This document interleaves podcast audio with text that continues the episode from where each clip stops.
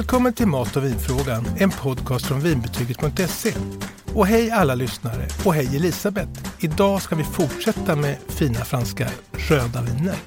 Hej Stefan! Ja, jag tycker det var ett jättespännande avsnitt för i förra avsnittet om röda viner så handlade det om det anrika och tjusiga Bordeaux och alla legendariska vinslott. Vi fick ju lära oss att det var flera tusen dessutom och Premier Cru-viner. Finns det någonting som kan slå det verkligen?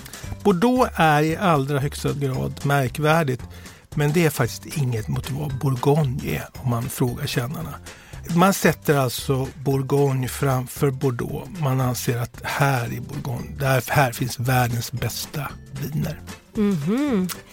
Spännande Stefan, men innan vi grottar ner oss i Bourgogne så skulle jag jättegärna vilja veta lite mer om Frankrike som vinland. Kan inte du berätta lite kort om det och också Frankrikes roll i vinvärlden? Frankrike har varit ledande inom väldigt många områden under hundratals år. Europas länder och även kanske USA och andra kontinenter har tittat på Frankrike och det kan vara områden som arkitektur, konst, matlagning, mode och då naturligtvis vinframställning.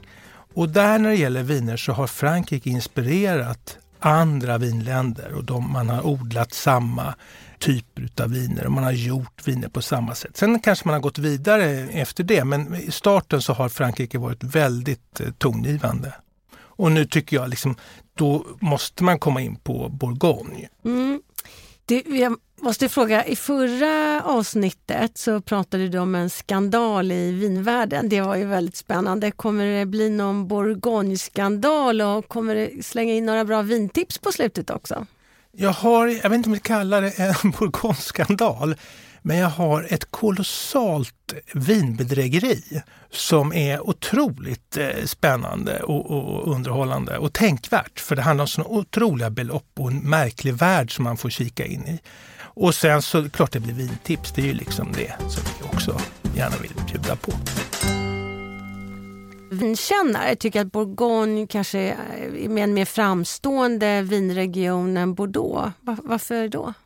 Både Bourgogne och Bordeaux är otroligt framstående vinregioner. Det är världens mest kända vinregioner båda två. Och de är hyllade och de har världsrykte.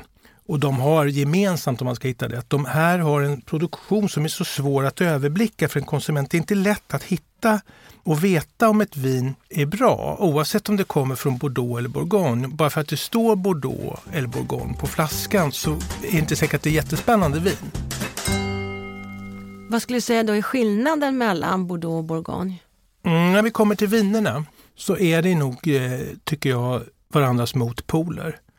Bordeaux där använder man druvblandningar. Så där kan man parera om en, eh, om en skörd blir siv av den ena druvan och bättre av den andra. Så kan man vikta det här. Och så har man sin blend, sin, sin eh, magiska kombination av så här mycket av den druvan och så här mycket av den. När det gäller Bourgogne, där litar man på en enda druva egentligen för röda vin och det är Pinot Noir. Mm. Och när det gäller vita, som vi har pratat om redan, i vita viner, så är det ju Chardonnay. Mm. Så det är en jätteskillnad. För en enda druva ska klara att bära hela det här vinet. Det finns ingenting som de kan liksom hjälpa upp det här med ifall det inte skulle vara en, en, en bra skörd eller så, utan då är det som det är. Så det är svårare med endruvsviner som det kallas.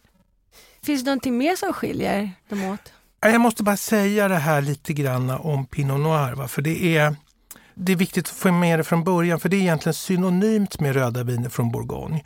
Och när man säger röda viner Bourgogne, då vet alla att då är det Pinot Noir och ingen annan druva. Det ska man liksom ha i ryggmärgen. Och den här druvan, den är liksom vinvärldens stora älskling. Den är superhyllad. Eh, och den är, vi kommer komma lite mer in på den, men det är en viktig pusselbit. Finns det någonting mer som skiljer de båda åt?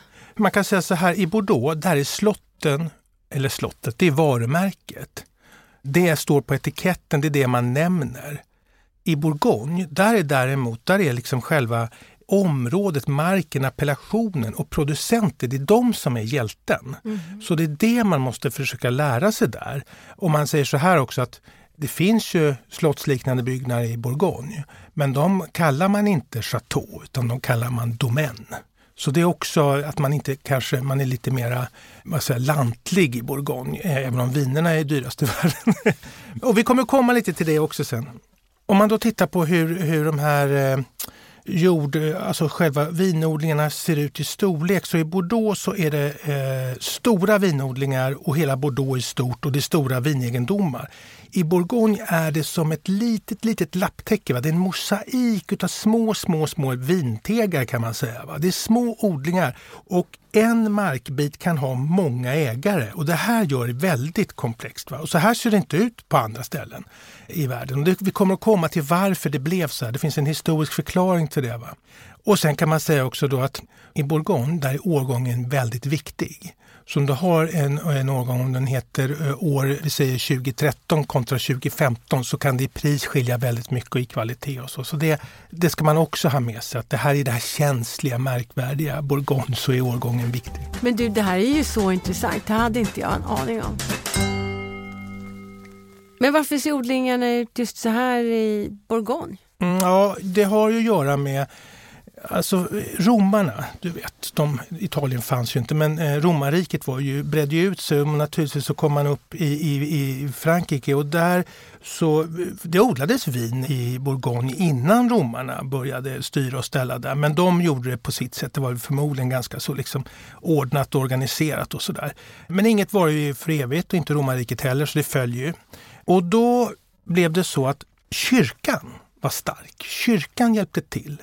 Så det här inte bara föll i, liksom, i träda och allting förstördes. Och munkarna och även nunnor har ju eh, naturligtvis har ju varit duktiga på allt med växter och sånt där. Och organisera och, och registrera och sådär. Så de tog över vinodlingarna i Bourgogne. Eh, och det var ju en jäkla tur det. Men sen så kom ju då, du vet, eh, revolutionen och eh, Chops och rök adeln och kyrkan fick sin känga också. Och då fanns den här marken fina odlingsmarken i Bourgogne. Vad gör man med den? Jo, men då delar man upp den i små, små delar. Inte till en potentat, inte till en eh, bondediktator utan till så många bondediktatorer höll jag på sätt som man kunde hitta. Det innebär då att det blir många, många, många ägare historiskt sett. Och så är det idag också. Att det är många ägare. Sen hände en sak som påverkar här också. Det var Europas vinländer drabbades av något som kallas vinlusen där under 1800-talet och då slogs allting ut i stort sett och man var tvungen att börja om. Och i Bourgogne så orkade man inte gräva om alla jordar, eh, alltså med ny jord och importera då från andra vinländer, eh, sådana som var motståndskraftiga, sådana vinrankor som var motståndskraftiga mot den här vinlusen. Och det innebär att där begränsades produktionen. Därför att man, vi säger så att eh, jag fixar till min jord efter konstens alla regler, men jag orkar inte ta den bredvid så den får vara. Så där är, det gör ju också att det är begränsat och nyckeln till Bourgogne, och som gör det märkvärdigt också, det är att det är en begränsad produktion. Och här finns en del av förklaringen till det. Det går inte bara att göra mera vin även om man skulle vilja. Och vad är, du pratade om appellation. Vad, vad, är, vad är det? Ja, men I Bourgogne där finns det då liksom eh, oändligt många appellationer på en liten yta. Det finns 84 stycken och det är dubbelt så många som i stora Bordeaux. Och jag tror ju att grunden för appellationen som är lagstadgad det är att ge trygghet till egentligen konsumenten. För det är en kvalitetsgaranti på franska viner. Och där så finns det då, varje appellation har angivit en växtplats, bara här inom den här ytan vilka druvor som får odlas här. Och då är det ju i Bourgogne här, då är det ju då i de appellationerna, då, då är det ju Pinot Noir. Och sen så är det då vilka metoder och hur man sen, eh, alltså både odlar och hur man framställer vinet. Och sen så en, det, vinet ska ha en viss alkoholhalt. Och det är för att du som eh, konsument ska veta vad du köper. Så det är utav godo. Men i Bordeaux så trängs alla på en liten yta. Så det här är ju snårigt som bara den. Men så snårheten med Bourgogne, vad beror den på? Alltså snårigheten beror ju på det här med att det blir små delar och många ägare. Jag ska försöka reda ut det här. Vi säger så här att en mark kan ha flera ägare och den marken har gemensamt namn.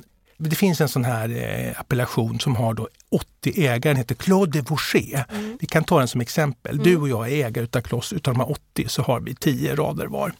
Och du är ju ambitiös med dina vinranker naturligtvis. Va? du går ju runt där med nagelsax och du tittar på druvorna och du vattnar och du har rätt gödsel och du grejer. Va? Jag ligger i en hängmatta och bara sover med någon bok på magen. Och sen kommer skörden och då tar du bara de bästa druvorna. Va? Halvbra druvor får inte vara med för du vill uppnå någonting med dina viner. Och jag däremot, jag går ut där och tar mitt gäng och så skördar vi rubb och stubb. Kommer det med lite kvistar och grejer, det gör inget. Ner med det vinet för fasen, det drygar ut. Va? Här ska vi göra mycket vin. Va? Och sen så ska vi ut på marknaden och då heter kanske ditt vin då Claude de Vaucher Domaine Elisabeth säger vi. Och mitt heter då Claude de Vaucher Domaine Stéphane. För en konsument då, du har ju gjort ett ypperligt vin, koncentrerat härligt. Jag har gjort ett urvattnat i stor volym och du tycker att marknaden vill ha det här vinet för 400 kronor. Ska det kosta ut i butik säger vi. va? Och det tycker jag, det vill jag haka på. Kan Elisabeth tycker jag.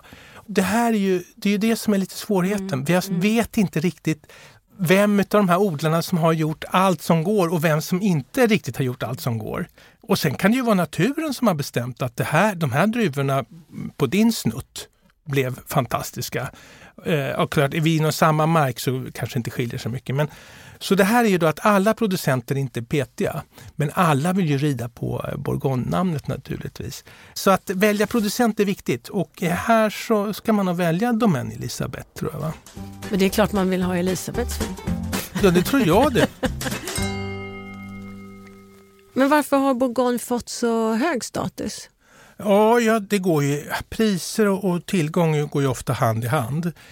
Det som är uppskattat och efterfrågat som har en begränsad tillgång, det får ju ett högt pris. Det är många som vill ha det. Och så är det ju med de här bourgognevinerna som vi pratade om. Och så är det ju den här druvan som vi eh, pratar om, då, Pinot Noir. Den, den är också en nyckelfaktor i det här. Men nu får du berätta lite, men vad, vad är det som är så speciellt med Pinot Noir då? Ja, det är ju eh, verkligen eh, en bra fråga för att den är svårodlad, den är kinkig och den, den, den, den, kräver perfekta förutsättningar och det finns det i Bourgogne.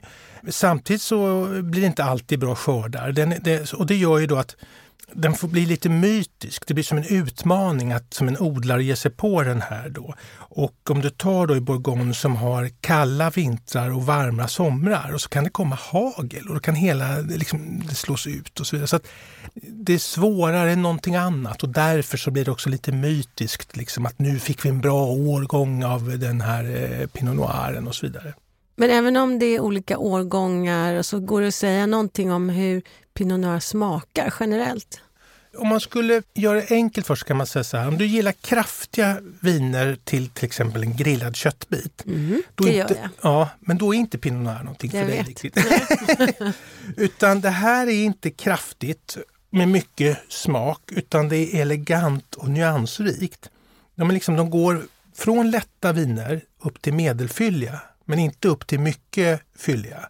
Och det, det gör också att det finns någon slags jag tror man tycker att det finns en finess i det. Mm. Du sa att eh, Pinot Noir är tokhyllad. Vad, vad innebär det? Ja, men förr så var det så här att då sa man att ja, Cabernet Sauvignon det är kungen av druvor. Liksom. Den var fin och den odlas. Eh, den är ju lättodlad däremot överallt och så. Men idag så har det där svängt. Och då är det istället då Pinot Noir och det märks också på priserna. Va?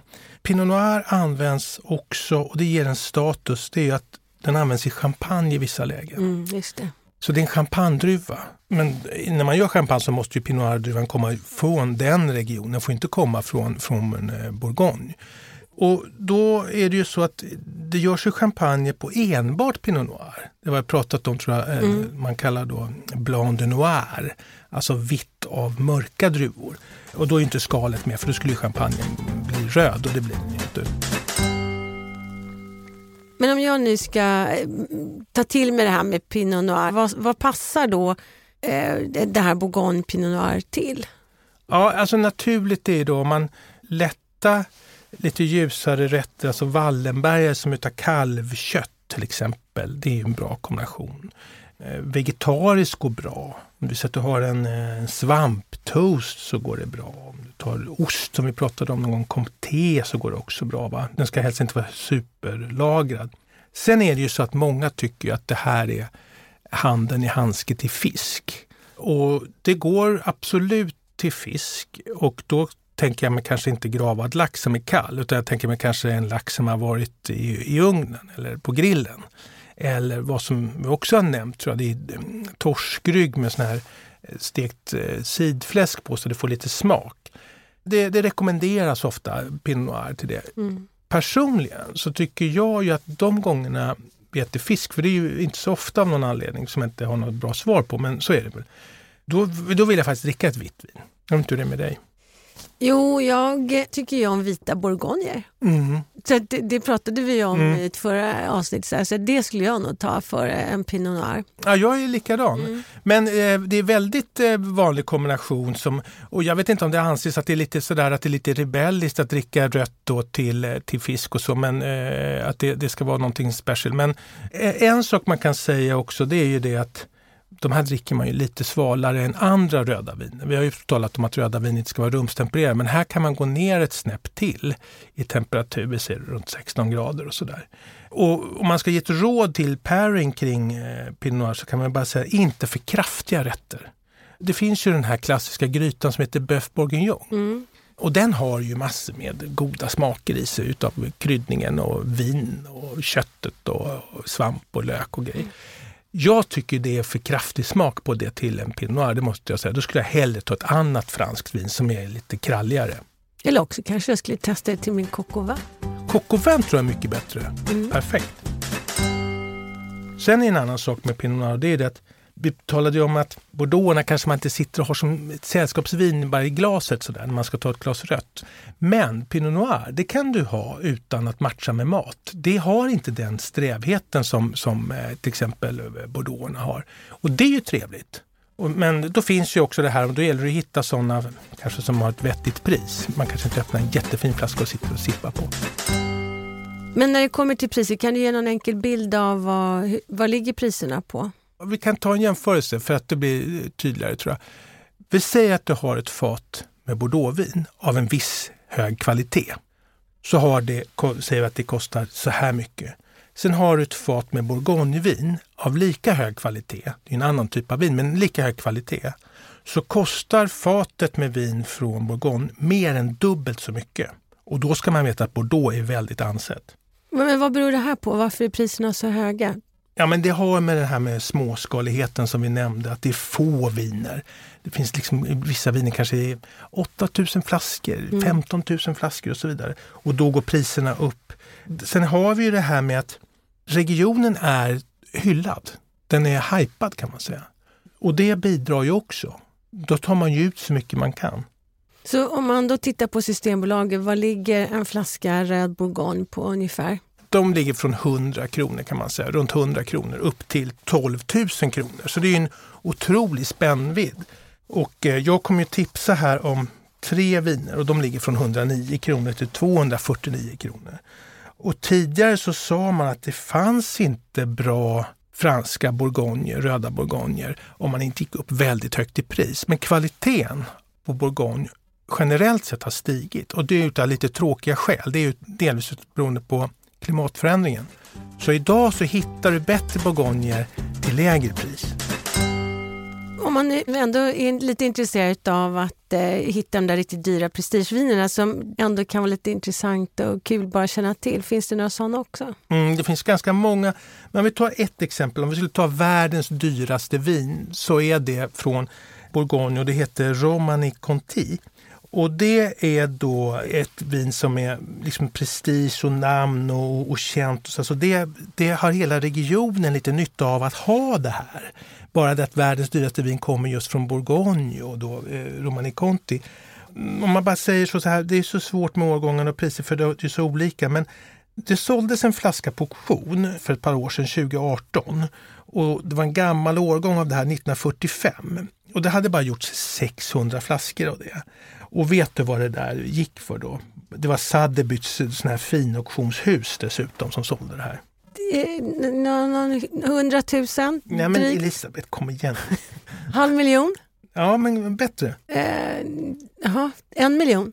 Ja, men, Nej, men, fyra miljoner? ja, nästa, lite mer, fem. Fem miljoner? Ja, det gick alltså för drygt 5 miljoner och det var en anonym köpare. Och det är också lite speciellt. Och om jag har läst rätt kring det här så är det så att utropspriset, Mm. vet du vad det var? Eh, nej men, åh, det det är så knepiga Det frågor. här är, det här är På spåret. Åtta miljoner. Fel igen Elisabeth. 280 000 kronor, så 17 gånger pengarna ja. mer. Mm. Och det kan ju också, det verkar ju som att en sån auktion när någon har tappat huvudet och de har hetsat varandra. jag vet inte. Men, och, men nästa vin som såldes därefter, det gick för 4 miljoner. Så det också. Mm. Och då ska man veta det här, eh, Domaine de la Romani Conti det är sådär lite kult och, lite, och folk slänger sig. vet, de kallar, det finns en, en förkortning, DRC-vin säger man. Mm. DRC säger man och det är internationellt. Mm. Så det, det kan man ju känna till om man tycker det är kul. Mm. Det vet man vad man ska dra till med nästa gång man mm. träffar en vinkännare helt enkelt. Men också bara man skulle titta, det var ett vin, men om man tittar på världens femte dyraste viner så kommer hälften från Bourgogne.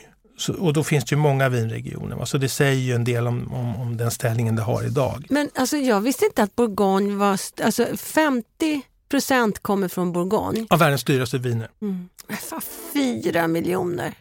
Fem? Ja men fem miljoner. Liksom, det, är ju... det är larvigt. Och vi kommer komma till det. Vi ska vara lite, vi ska vara lite jävliga här nu bort, när, när vi kommer längre fram. Det är ju... Sjukt.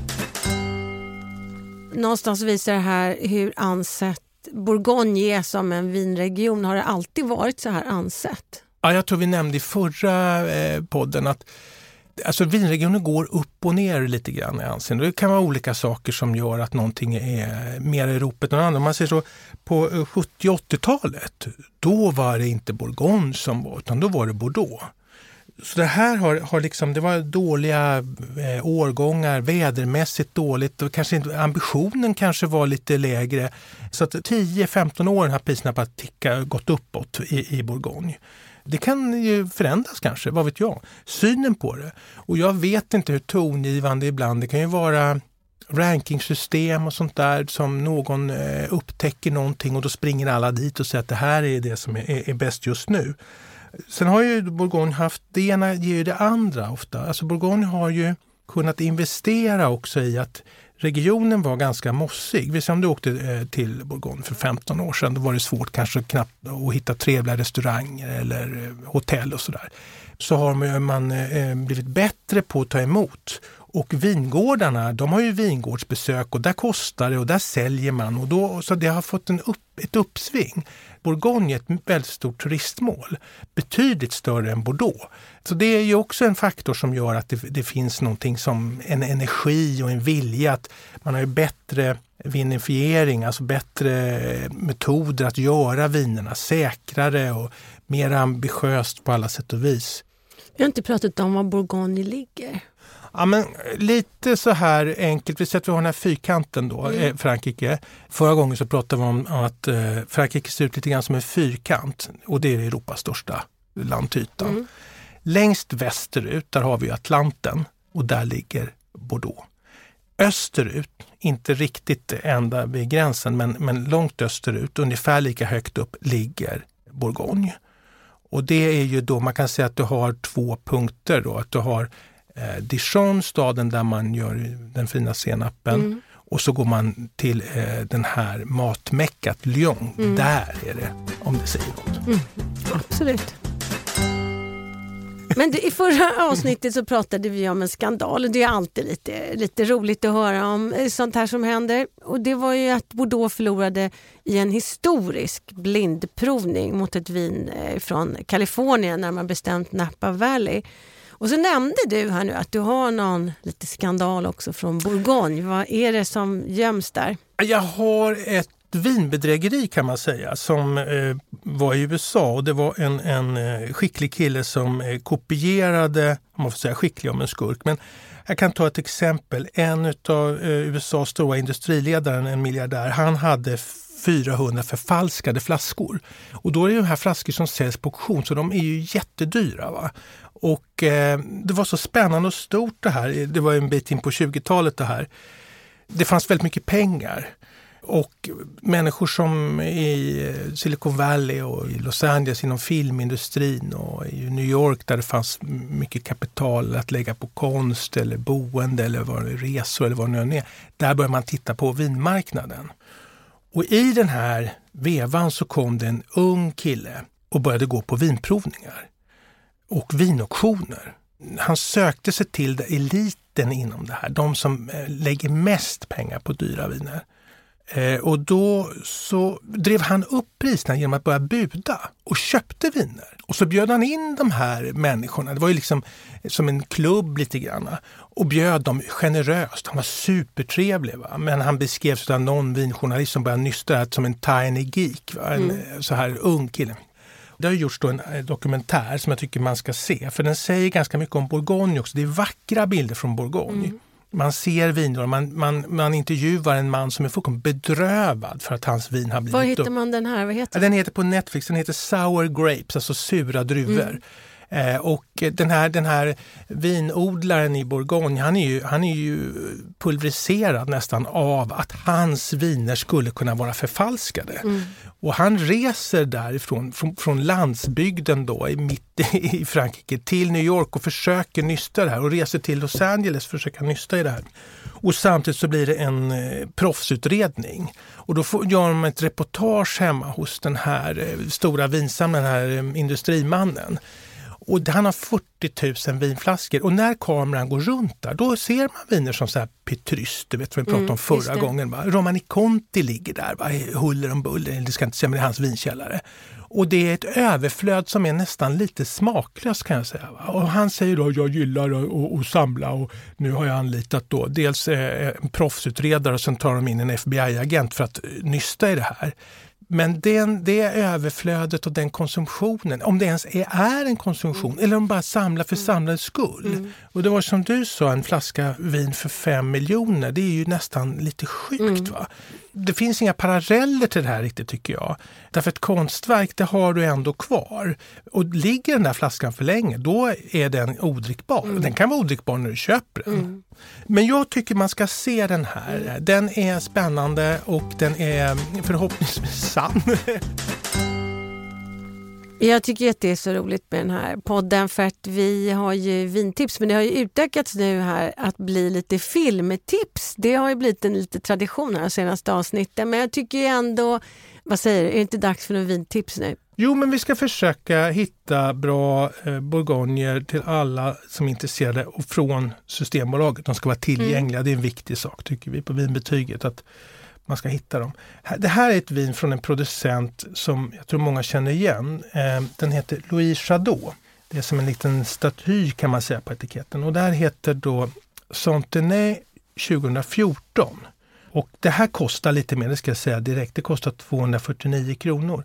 Men det är färdigt att dricka. Mm. Det behöver inte lagras. Och eh, det är ju naturligtvis lagat på ekfat men det har inte någon fatkaraktär. Det är liksom mil ifrån Rioja om man tänker så. Det här känns inte utan det är bara en, en viss fyllighet.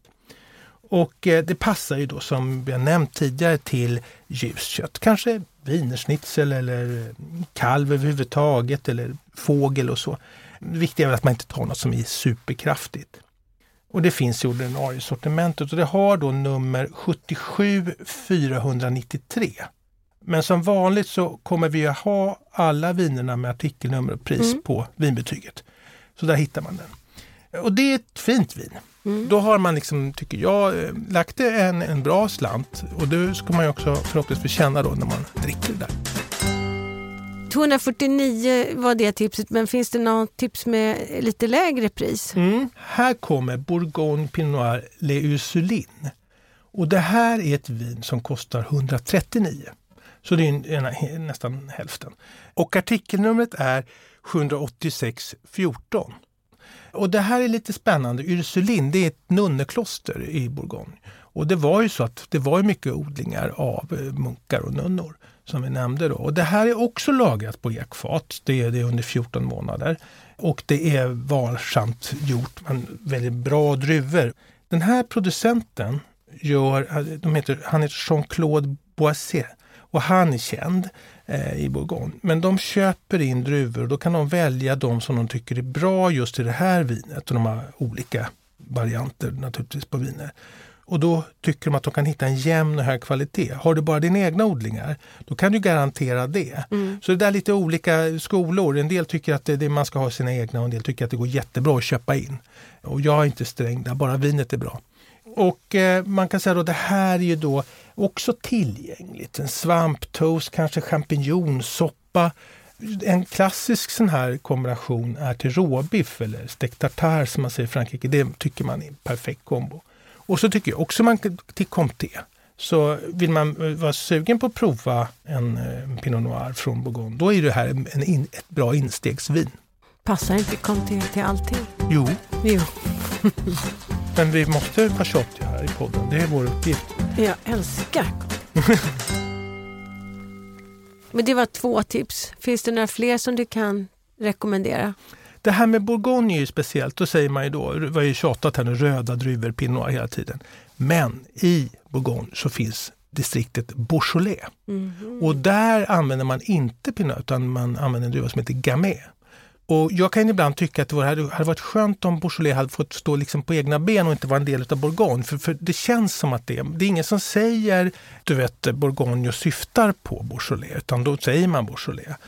Och den här ligger ju längre söderut och det gör ju också att det, druvorna är annorlunda. Och det här är då druvor som man använder ganska direkt. Du kanske tar som Beaujolais Nouveau? Absolut, mm. det har jag druckit. Mm. Och Beaujolais Nouveau är egentligen lite grann säger vissa att ett PR-trick. Man mm. tar druvorna direkt i stort sett och gör vin på. Mm.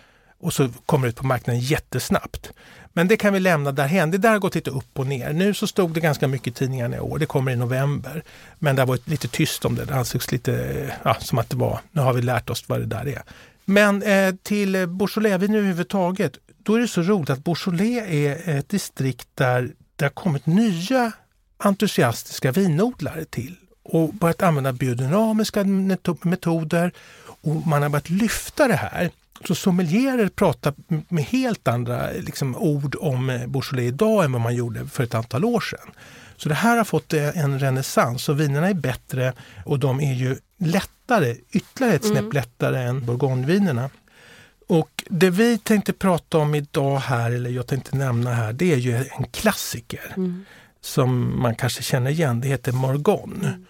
Och det är ju då en, en kry, så att säga, Beaujolais kry. Och det är en, en klassisk producent som egentligen har väl varit Mr Beaujolais ska jag vilja säga. Han heter... Georges Duboeuf. Ja, tack. Bra, du kan det där. Det kunde jag. Eh, och han har då eh, ett antal eh, Beaujolais, hade gjort något, naturligtvis. Och så, så är det det här Morgon som har nummer 5106. Och då ligger det också prismässigt bra. Det kostar 109 kronor. Och det har fått, den här årgången 2018 den har fått nya betyg och det gör att den rankas på vinbetygets topplista. Vi väger in betygen där. Och det här ska man inte hålla på och laga, det dricker man ungt direkt. Och det är ju, eh, vad ska man säga, det passar till ganska mycket det. Du kan ha det till en, eh, en vegetariskt, en paj, en vegetarisk paj. Du kan ha det till en... Eh, Ja, vol du kan ha det till eh, en, kiss med getost och så soltorkade tomater och naturligtvis till kyckling och sånt. Och lite somrigt känns det väl. Jag undrar om man inte kan kyla det här ytterligare. du gillar kalla rödviner? Nej, det ska inte vara kalla men de ska i alla fall ha, det här tycker jag man kan kyla lite till. Mm. Men varför är det ett lägre pris i Beaujolais Ja, men det är, dels så är druvan enklare, den här gamédruvan enklare att odla och marken är billigare. Om vi skulle bara prata om den här Morgon eh, innan vi släpper den, så vad säger du om den där etiketten? Jag tycker den är fantastiskt fin. Jag har ju tidigare innan jag började använda vinbetyget.se så gick jag mycket på etiketter, det får jag säga. Och då har ju den här hamnat hos ja. mig. Jag tycker det är roligt med den där klassiska etiketten och jag tror jag drack det där för 20 år sedan kanske jag tycker inte man ska välja vin på etikett. Men den här har ju någon mm. finstämd charm i mm. sig med den här eh, blomman på. Mm. Och den är ganska ren och estetisk tycker jag jämfört med många brokiga etiketter. Men man ska välja det för att vinet är gott. Mm. Jag, efter den här inspelningen här så ska jag träffa en person som är väldigt vinnörd och lite besserwisser. Så har du någonting som jag kan säga till den här personen och fråga eller någonting. Det kan vara från Bourgogne? Alltså, ja, jag tänkte det. Mm. Mm. Ja, men då kan du fråga, vet du var eh, namnet Bourgogne kommer ifrån? Var det härstammar ifrån? Okej, okay, spännande. Mm, då säger du så här, det kommer från danska Bornholm. Bornholm, Bornholm, Bornholm, Bornholm, Bourgogne.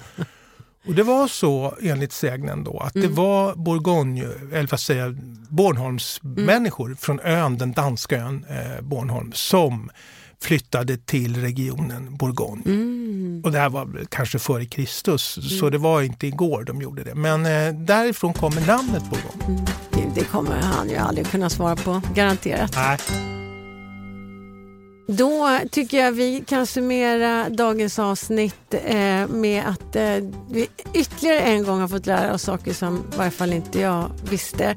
Så tack Stefan för idag och tack alla ni som har lyssnat. Tack Elisabeth och tack alla som har lyssnat. Eh, vi hörs snart igen. Och som vanligt så vet ni att vinerna finns på vinbetyget.se eh, under vinpodd, den fliken där, så ligger de med artikelnummer och pris.